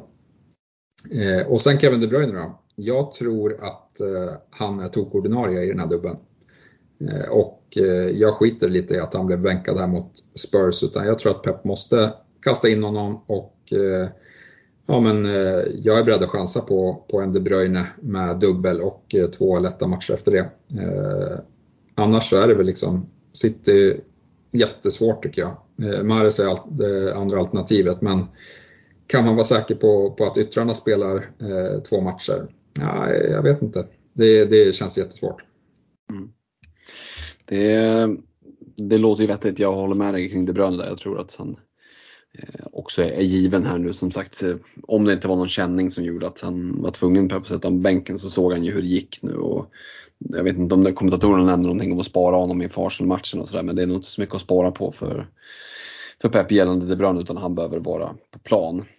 Eh, jag satt förra veckan med Ödegård, Rodrigo och Mudryk och Ja men Ödegård får ju vara kvar såklart. Mudryk gjorde ju ingen människa glad med sina 45, fick väl någon liten smäll där. Eh, tycker ändå att han får vara kvar i reken. Eh, ska inte döma ut honom bara på en insats där. Utan, eh, jag tror ändå att han, som du var inne på där vid, vid övergångarna, att han kommer att kunna bidra en, en hel del. Så Ödegård och Mudryk får vara kvar. En Rodrigo däremot, stackars er som gjorde tidiga byten. Det var väl en, en läxa om någon att lära sig att inte göra det. Eh, han drog ju på sig en skada och borta ett par månader. Eh, så han får ju lämna den här reken såklart. Eh, och, ja, Eh, det är ju frågan om, om någon som lyssnar på det här vågar lita på den här reken med tanke på min urusla magkänsla för Bruno Fernandes. Men jag vill ändå slänga in en Jack Grealish. Eh, tycker att han är den spelare som, som tar mest initiativ, som eh, ser mest intressant ut med bollen just nu i City. Fick spela mycket längre, Mars klev av 57, 58 någonting här senast mot Spurs. Visst, han hade ett skott i ribban men i övrigt ganska blek.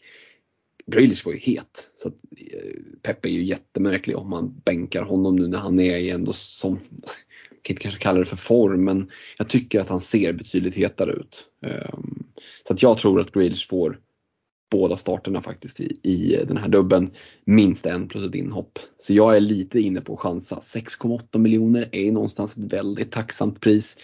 1,5 TSB. Ja men alltså här snackar vi. Träffar du på Grealish då är det poäng som du sitter helt nästan jävla ensam eh, på att plocka. Eh, så att jag väljer att chansa in en Jack Grealish i, eh, i reken tillsammans med Ödegård och Mudryk. Hur, ja. hur, hur snett ute är jag där? Nej, den här kan du försöka upp såklart, eller så blir du geniförklarad. Det finns bara två, två vägar känns som. Ja, det... Men, nej, men jag, jag, tycker att det är jättesvårt. Och, ja, men Grealish han är väl bästa buddy med, med Haaland, så om man vill hålla Haaland nöjd så ska väl han spela, tänker jag. Eh, vi får väl se med liksom, vad som sägs lite om Foden här också. Det är väl, det är väl han som har, han har varit borta som har gjort att eh, yttrarna har fått spela så mycket här, eh, tänker jag. Eh, han kommer ju såklart, Foden har varit borta rätt länge nu va? Han kommer inte eh, ta någon start direkt känns det som, utan behöver. Mm. Ja precis, han var ju först var någon mindre fotskada eller vad det var och så nu var han sjuk tror jag. Så det har varit lite olika och det var lite rykten om något liksom, personligt skäl som gjorde att han lämnade. Ja, det, det, har varit mycket konstigheter kring Phil Foden. Han har ju inte varit mentalt på plats i alla fall eh, och inte varit den Foden som vi, som vi är vana vid att se sedan tidigare. Ehm, så, så jag tror nog att han får finna sig och, och, och nöta bänken del faktiskt framöver. Ja, Nej, men det, det, är jättesvårt. Man är ju sugen när City har dubbel. Det är klart att man vill sitta eh, med tre gubbar därifrån. Men den här gången så känns det som att det är väldigt, väldigt svårt att hitta rätt på de där tre gubbarna. Mm. Och det blir ju inte lättare egentligen när vi går till anfallet. Förra veckan satt jag med Enketia och Harry Kane. Nu eh, hoppas jag att det var, om det var någonting ni lyssnade på som jag sa förra veckan, att det var just att behålla Harry Kane för det renderade ju ändå en del poäng. Och nu ser spelschemat lite lättare ut för Spurs. Jag vet att du valde att lämna honom Stefan, men har man kvar Kane i bygget nu så tycker jag ändå det kan finnas ett värde i att hålla honom. Ehm, för att hitta anfallare som är bra är klurigt. Eh, nu har de match i 25an. Eh, vi tjatar mycket om det, men det kommer att kunna vara värdefullt. Ehm, och Enketia tycker jag är den, den trots att Jesus börjar närma sig återkomst, fortfarande den bästa spelaren att ha här. dubbel kommande 23an eh, match i 25an. Nej, det är, Enketia Kane får faktiskt vara kvar i reken och oerhört spänd på att höra om du har lyckats klämma in någonting annat i, i din anfallsrek. Nej, jag har en Katja och Kane. Och, och, som någon kanske noterar så är det min fjärde Arsenal-gubbe i räcken. Eh, men där, min tankegång var lite där att gå på det som passar ditt lag. Eh, ta, ta Gabriel, eller ta en back eh, ta en mittfältare och sen ta liksom en, en Ketja eller en till mittfältare beroende på vad som passar eh, just i, i, ditt bygge. Det tror jag är bästa vägen. Eh, alla är bra alternativ i, i, min bok i alla fall. Mm. Nej, annars om man ska kolla forwards, jag tog in Darwin Nunez som vi har pratat om. Det enda jag ser annars det är väl att plocka in en Mitrovic med, med Forrest hemma eh, mm. här som skulle kunna vara ett alternativ. Har även Wolves hemma i, i 25an. Eh, men han har inte sett jättebra ut heller. Eh, men, men om det är någon gång det ska vända för, för Mitrovic så är det väl ändå mot Forest hemma kan jag tycka. Mm. Mm. Ja, nej men eh, vi kanske ska nöja oss så med våra rekar. Eh, jag nämnde det tidigare. Eh, vill ni liksom ha mer snack av det här, men då är det ju våran Patreon-tråd eh, som vi varmt rekommenderar. Eh, jag nämnde det, patreon.com svenska FPL. Där går man in, reggar sig, stöttar oss med 25, 35 eller 50 kronor i månaden. Och eh, ja, men då kan man till förbannelse diskutera just sånt här vad det gäller reka. Vad tror ni om den här spelaren? Man kan få eh, ja, men, lite så kallade R RMTs, alltså RMTs, Rate My Teams om man går i tankar av att göra flera byten eller spela wildcard eller bara lufta sina funderingar för att det kan vara värdefullt att få få bra input. Så att, eh, vi slår ett varmt slag för våra Messenger-trådar eh, för våra Patreons helt enkelt. Eh, vi ska ha en kaptensdiskussion och eh, med det ska vi säga att det är deadline på lördag den 11 februari klockan 12.00 och det är det för att det är ett London-derby, West Ham-Chelsea. Det var väl den matchen vi var och såg här för ett och ett halvt år sedan. Eh, som sparkade igång 13.30. Ehm, men eh, ja, det kanske de gör, men kaptensdiskussionen Stefan den, den stannar väl mellan Man City och Arsenal och, eh, i och med att det är de som har dubbeln ändå. Ja, det gör den. Eh, och jag har mycket svårt att se att, att man ska gå ifrån Håland ändå. Det känns som, som det bästa alternativet. Men visst, har man magkänsla för att Arsenal kommer plocka den här matchen mot City, eh, då kan man ju gå på en, en Saka till exempel. Eh, det, det är väl de två jag, jag står lite emellan. Ja, man kan kasta in en, en Ödegård också i, i den diskussionen. Eh, men, men, för min del så kommer binden sitta på Håland ändå. Mm. Du var inne på en De Bruyne i reken, skulle det kunna vara ett alternativ? Nej, jag, jag kappar inte honom före Håland. Eh, det gör jag inte i år. Eh, det känns som att det ska väldigt mycket till för att det ska liksom, träffa rätt och bli bra. Ja, oftast när man ser De Bruyne slå fram en pass och få en assist tänker man yes, jag fick assisten och så ser man vem det är som är mål, då är det Håland som är målet. Så det, det, det, är ju, ehm, det ska ju mycket till någonstans för att De Bruyne ska outscora. Då ska det slå in en frispark eller någonting. För att gör de mål City så är det ju ofta Håland som är där eh, och gör det. Eh, trippelbinden för den som inte har dragit den. Tycker du att det är läge trots Hålands ganska risiga form ändå? Hade du dragit Nej. av den om du, om du inte hade tryckt den här på, på Rashford? Nej, jag hade nog inte det. Jag hade nog hoppats på ett bättre läge längre fram. Eh, det är lite samma känsla på City som när jag inte drog den, när ni drog den. Att jag tyckte inte att eh, City kändes i bra form. Men sen var det väl liksom, det var väl lite tillfälligheter också. Matchen efter så drog han väl in ett hattrick och ja. Mm. Det spelar ingen roll om, om City inte är i bra form. Så Haaland kan alltid göra det bra ändå. Så det, det fin- jag skulle inte räkna ut det, jag hade nog inte dragit den, men, men jag förstår om man drar den för att få den liksom ja, men avstökad. Det är fortfarande ingen Champions League-spel som eh, liksom påverkar det här och, och grejer. Eh, men ja, form, det här med eh, anklagelserna mot City nu, jag vet inte. Det, det känns inte som ett optimalt läge. Nej, det, det är, och sen är det Arsenal borta som är säsongens absolut tuffaste match ska vi sägas. Eh, som är en av de två matcherna. Och visserligen hemma mot Villa, men Villa som ändå spelat upp sig. Eh, men det är väl just det där med Champions League-aspekten där, att vi faktiskt inte har kickat igång det igen. Eh, eh och, och, att det också då givet att det är Arsenal en, en viktig match, att vi kan nog räkna med dubbla Haaland-starter. Eh, det, det, blir ju lite mera gambling att vänta. Ehm, men ju längre in på säsongen vi kommer. Sen tror jag väl att så länge han håller sig skadefri så kommer Haaland spela de allra flesta matcherna. Men ja, blir det tight matchande och de ska börja klämma in uppskjutna matcher då, då skulle det kunna bli en bänkning. Eh, speciellt om det är så att Arsenal rycker lite i ligan. Pep känner att äh, ligan är körd ändå. Eh, jag fokar bara på, på CL. Eh, då skulle det mycket väl kunna bli så att han vilar Haaland eh, i en match direkt inför en CL-match eller direkt efter om han har fått någon, någon liten, liksom, liten smäll eller så. så att, eh, jag tycker också det är väldigt svårt läge om man sitter och håller på den. Har man inte dragit av den redan, man skulle kunna sitta och liksom bara tjuvhålla på det. Men jag kan också se caset för att bara trycka av det. Liksom. Eh, så väldigt mycket gut feeling. Eh, hur, hur, man känner själv. Liksom, vill man sitta kvar på chippet eller inte? Det, det är lite det också. Eh, vi har ju varit inne på det tidigare att man kan ju bara spela ett chip per game week. Så att, eh, dubblar som kommer framöver, ja, eh, inte samtidigt som du spelar bench boost och, och drar wildcard eller, eller frihet för den delen. Det kan vara bra att, att ha med sig. Ja, alltså det är ju svårt att bredda diskussionen mer egentligen. Håland, för den som är våghalsig De Bruyne inom City. Inom City finns det inte så mycket mer annat att diskutera eh, rent bindelsmässigt. Du var inne på Saka i, i, i Arsenal. Är det någon annan Arsenal-spelare som ens är i närheten, tycker du? Nej, men det skulle väl vara Ödegård, men jag tyckte att hans form var liksom allra hetast direkt efter VM. Eh, nu känns det lite mer normalt. Eh, Saka är straffskytt, Saka är den som har fått dra det tunga lasset på offensiven. Eh, där, där sitter min bindel i Arsenal om jag skulle bindla någon, någon från, från Arsenal. Mm.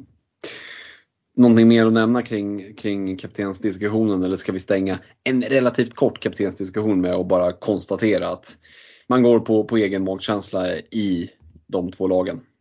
Ja, alltså jag är ju en sån manager och det är väl du och Alex också att vi kappar ju folk som har dubbelmatcher. Det känns så mycket bättre.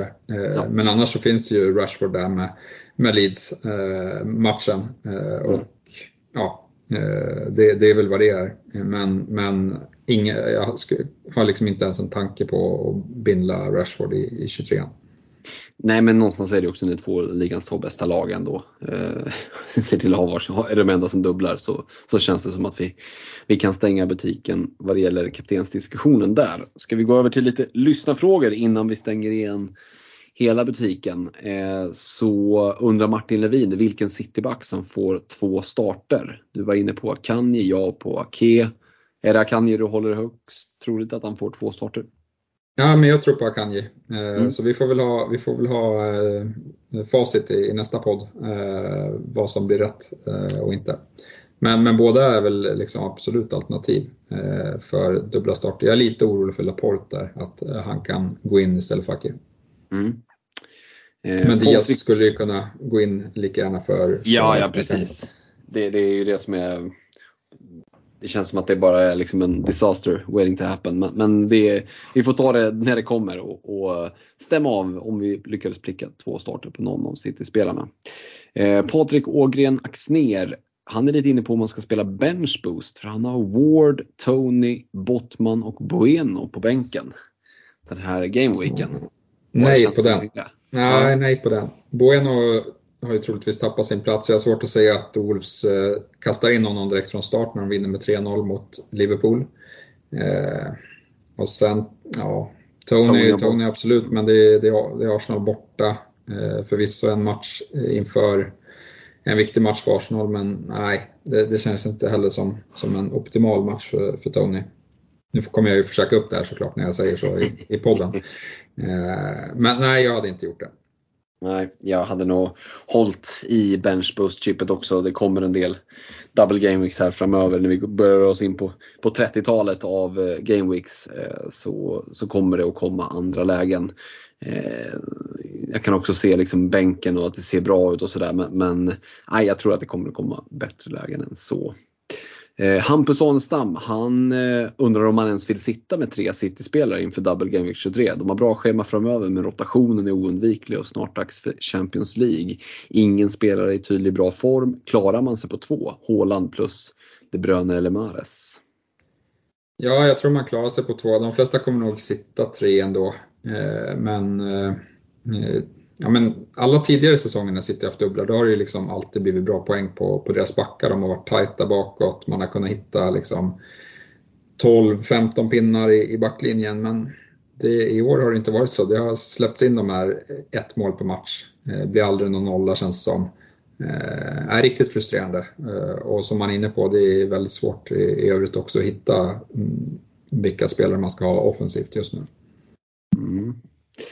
Precis, och det, alltså det är klart att man kan klara sig på både, liksom, säg att man sitter med Håland och De Bruyne. Det är väl just det att du behöver inte lassa in supermycket pengar för att sitta med till exempel Grealish eller Mares eller Ake eller Akanje och sådär. Och det är ju ändå City, det är dubbel. Ja. Sitter du på en Cityback och du får två nollor, två starter, då, då är det ganska fina poäng som är lätt hämtade. Så att, ehm, och med match 25 man så, så är det någonstans ändå.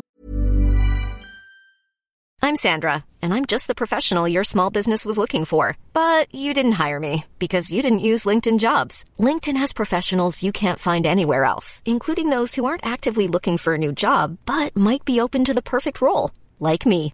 In a given month, over 70% of LinkedIn users don't visit other leading job sites. So if you're not looking on LinkedIn, you'll miss out on great candidates like Sandra. Start hiring professionals like a professional. Post your free job on linkedin.com slash people today. Many of us have those stubborn pounds that seem impossible to lose, no matter how good we eat or how hard we work out. My solution is PlushCare. PlushCare is a leading telehealth provider with doctors who are there for you day and night to partner with you in your weight loss journey. They can prescribe FDA-approved weight loss medications like Wagovi and Zepbound for those who qualify. Plus, they accept most insurance plans. To get started, visit plushcare.com slash weight loss. That's plushcare.com slash weight loss. Jag tror att de allra flesta kommer att försöka sätta upp sig så att man sitter trippet city. Eh, Mårten Björn Molin, han undrar vad man gör med Gabriel Martinelli. Är han värd ett minusbyte? Och det var väl lite det som vi var inne på själva. Båda står och överväger. Vad, vad är känslan idag? Eh, tror du att det blir ett minusbyte för egen del för äh, Martinelli? Ja, det beror nog på helt hur jag landar i, i eh, om jag ska ta in Mares eller, eller ja, Graylish kanske. Eller, eh, jag måste få över de där pengarna känner jag i, i bytet från, eh, för att eh, jag ska kunna göra något vettigt med Martinelli. För jag har inga pengar eh, på banken eh, och kan inte liksom göra Martinelli till Ödegård rakt av. Mm. Så att det är lite avhängigt om jag hellre vill det eller om jag hellre vill gå på en cityback. Mm. Jag ska ju säga det Martinelli, det, är ju, det skulle ju också mycket väl kunna vara så att han får det att lossna just den här matchen. Eh, så det är ju faran med att göra ett sidledsbyte att, eh, att han gör ett par baljer just den veckan när man faktiskt byter ut honom. Ehm, Erik Wallqvist, han undrar om det kan vara läge att ta minus 4 för att ta ut Bruno Fernandes och Darwin Nunez för att plocka in Mares och Enketia.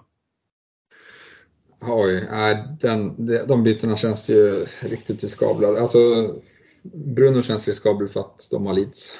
Mm. Och, och, Darwin, eh, ja de, de, har Everton. Men, men de brukar väl vinna mot Everton tänker jag. Mm. eh, kanske inte, ja det, den ser ju tuff ut nu på förhand såklart. Eh, den ser, tight, den ser ju tight ut framför jag kan, jag kan ju se 1-1 framför mig i, i Mercedes. Jag kan också se 3-0 till Everton. Eh, det ska ju kollas upp eh, spelvärdesmässigt vad, vad, vad, eh, vad en Everton-vinst ger där. Men eh, jag kan ju se att det kommer att smälla. Det kan, jag kan se 0-0 i den matchen också för den delen. Ja, kanske inte Liverpool spelar 1-1 kanske mer troligt men eh, det, det är ju eh, Ja, han, han, eh, han föreslår att ta in Mares och Enketti, så alltså uppenbarligen har han ju bara två City och två Arsenal-spelare. Ehm, men eh, Bruno där, ja. Nu, nu fick han ju med sig poängen, de har en bra match. Det är ju frågan hur prioriterat det är att få in och, och trippla upp både City och Arsenal, om det är värt minus fyra. Ja, nej, men United är svåra. Det kan jag, jag sitter ju trippelt United och de har ju ingen match i 25 man och så, så följer de upp. Så, så det är ju det är avvägningar man måste göra här. Eh, för att 25 man vill man ju absolut greja utan att dra några chip. Eh, utan bara eh, rulla förbi den, den veckan och sen på igen i 26an. Mm.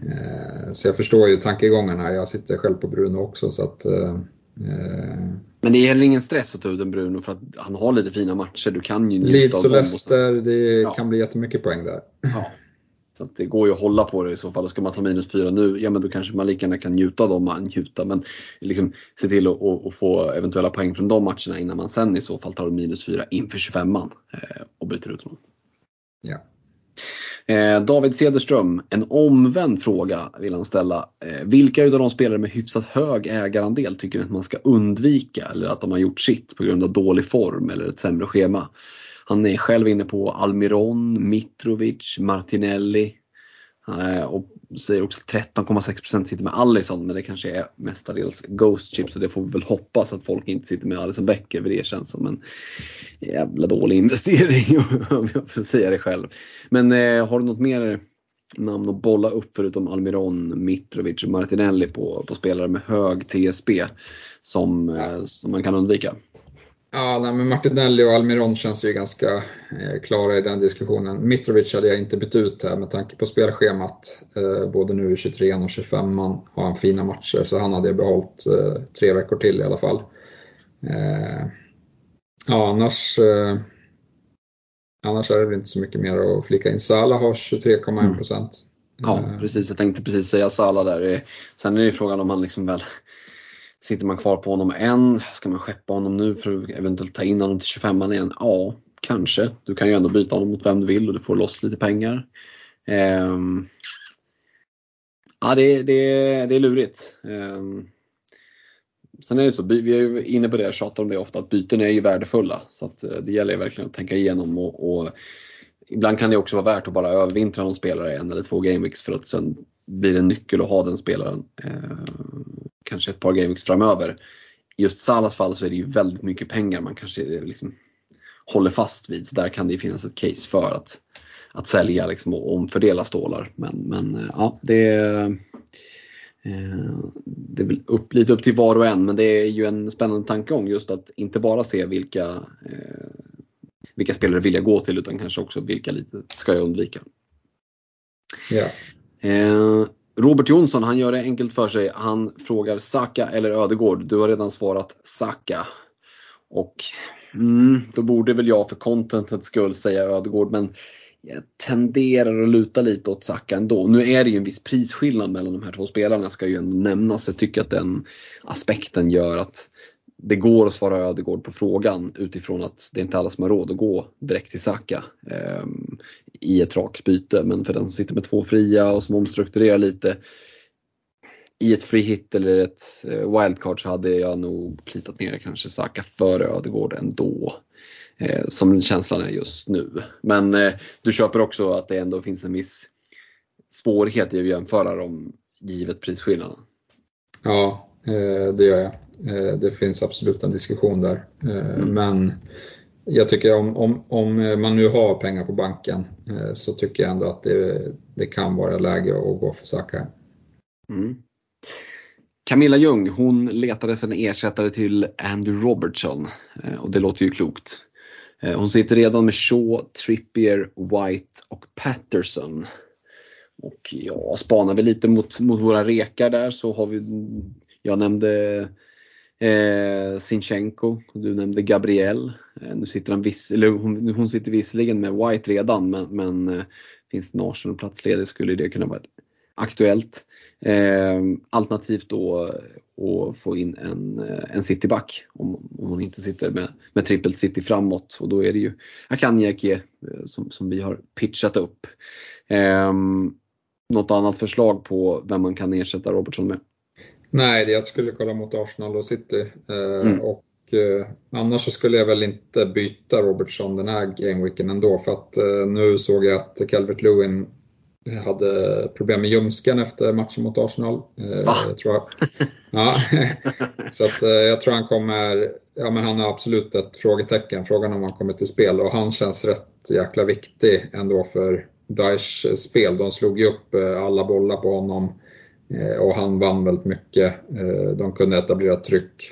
Eh, nu gjorde han inte mål men han var viktig och jag vet inte om de har någon som kan göra den rollen lika bra. Mm, mm. Ja, det är någonting att klura på. Mikael Salander Hellman, han har att är City så dålig nu att man bara ska spara sitt byte istället för att ta in en tredje City-spelare?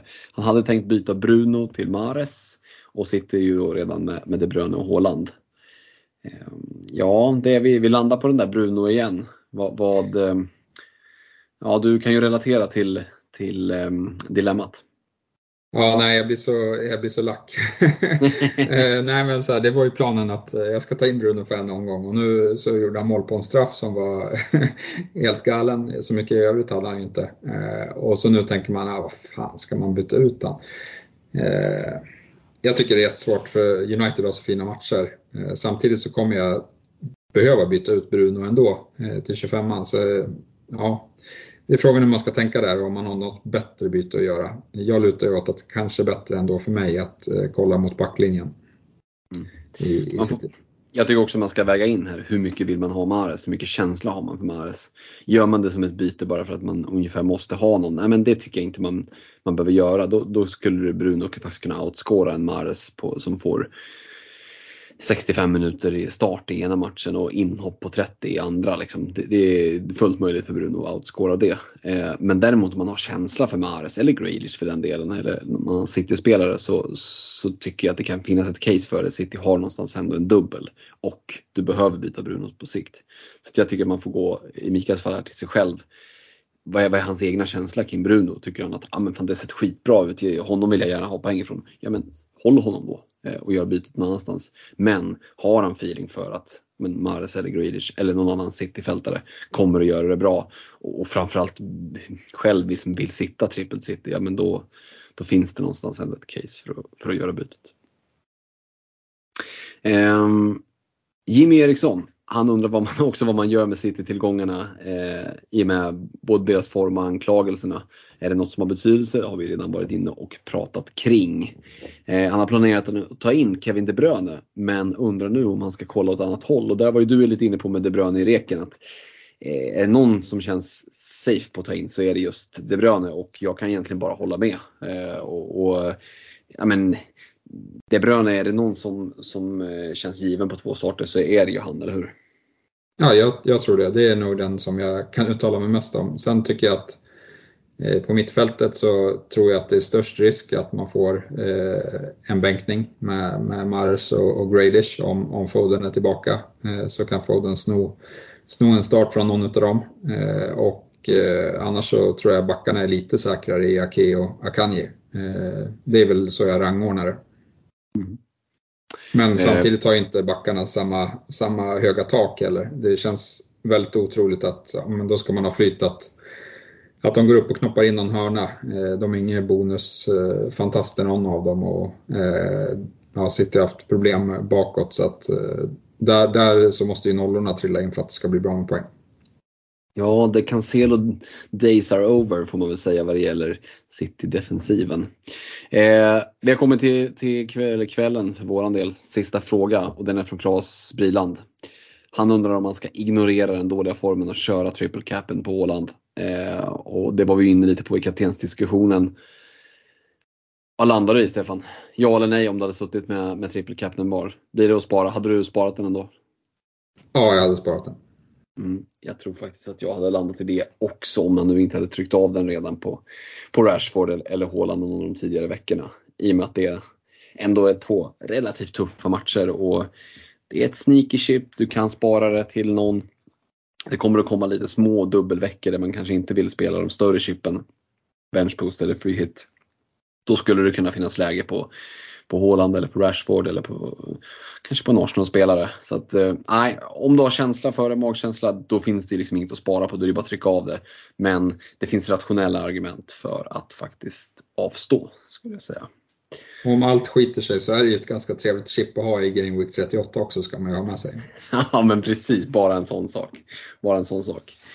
Eh, nej men då återstår inte så mycket mer för oss egentligen än att önska ett stort lycka till här i Double Game Week 23. Eh, vi önskar er alla som lyssnar gröna pilar lite så att vi önskar det till oss själva också så att vi får komma med lite mer i matchen åtminstone undertecknad.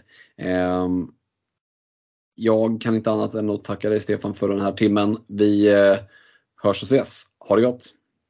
Det gör vi. Ha det bra! Ciao! Even when we're on a budget, we still deserve nice things. Quince is a place to scoop up stunning high-end goods for 50 to 80% less than similar brands.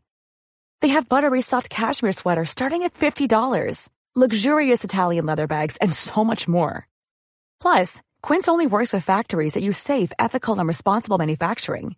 Get the high-end goods you'll love without the high price tag with Quince. Go to quince.com/style for free shipping and 365-day returns.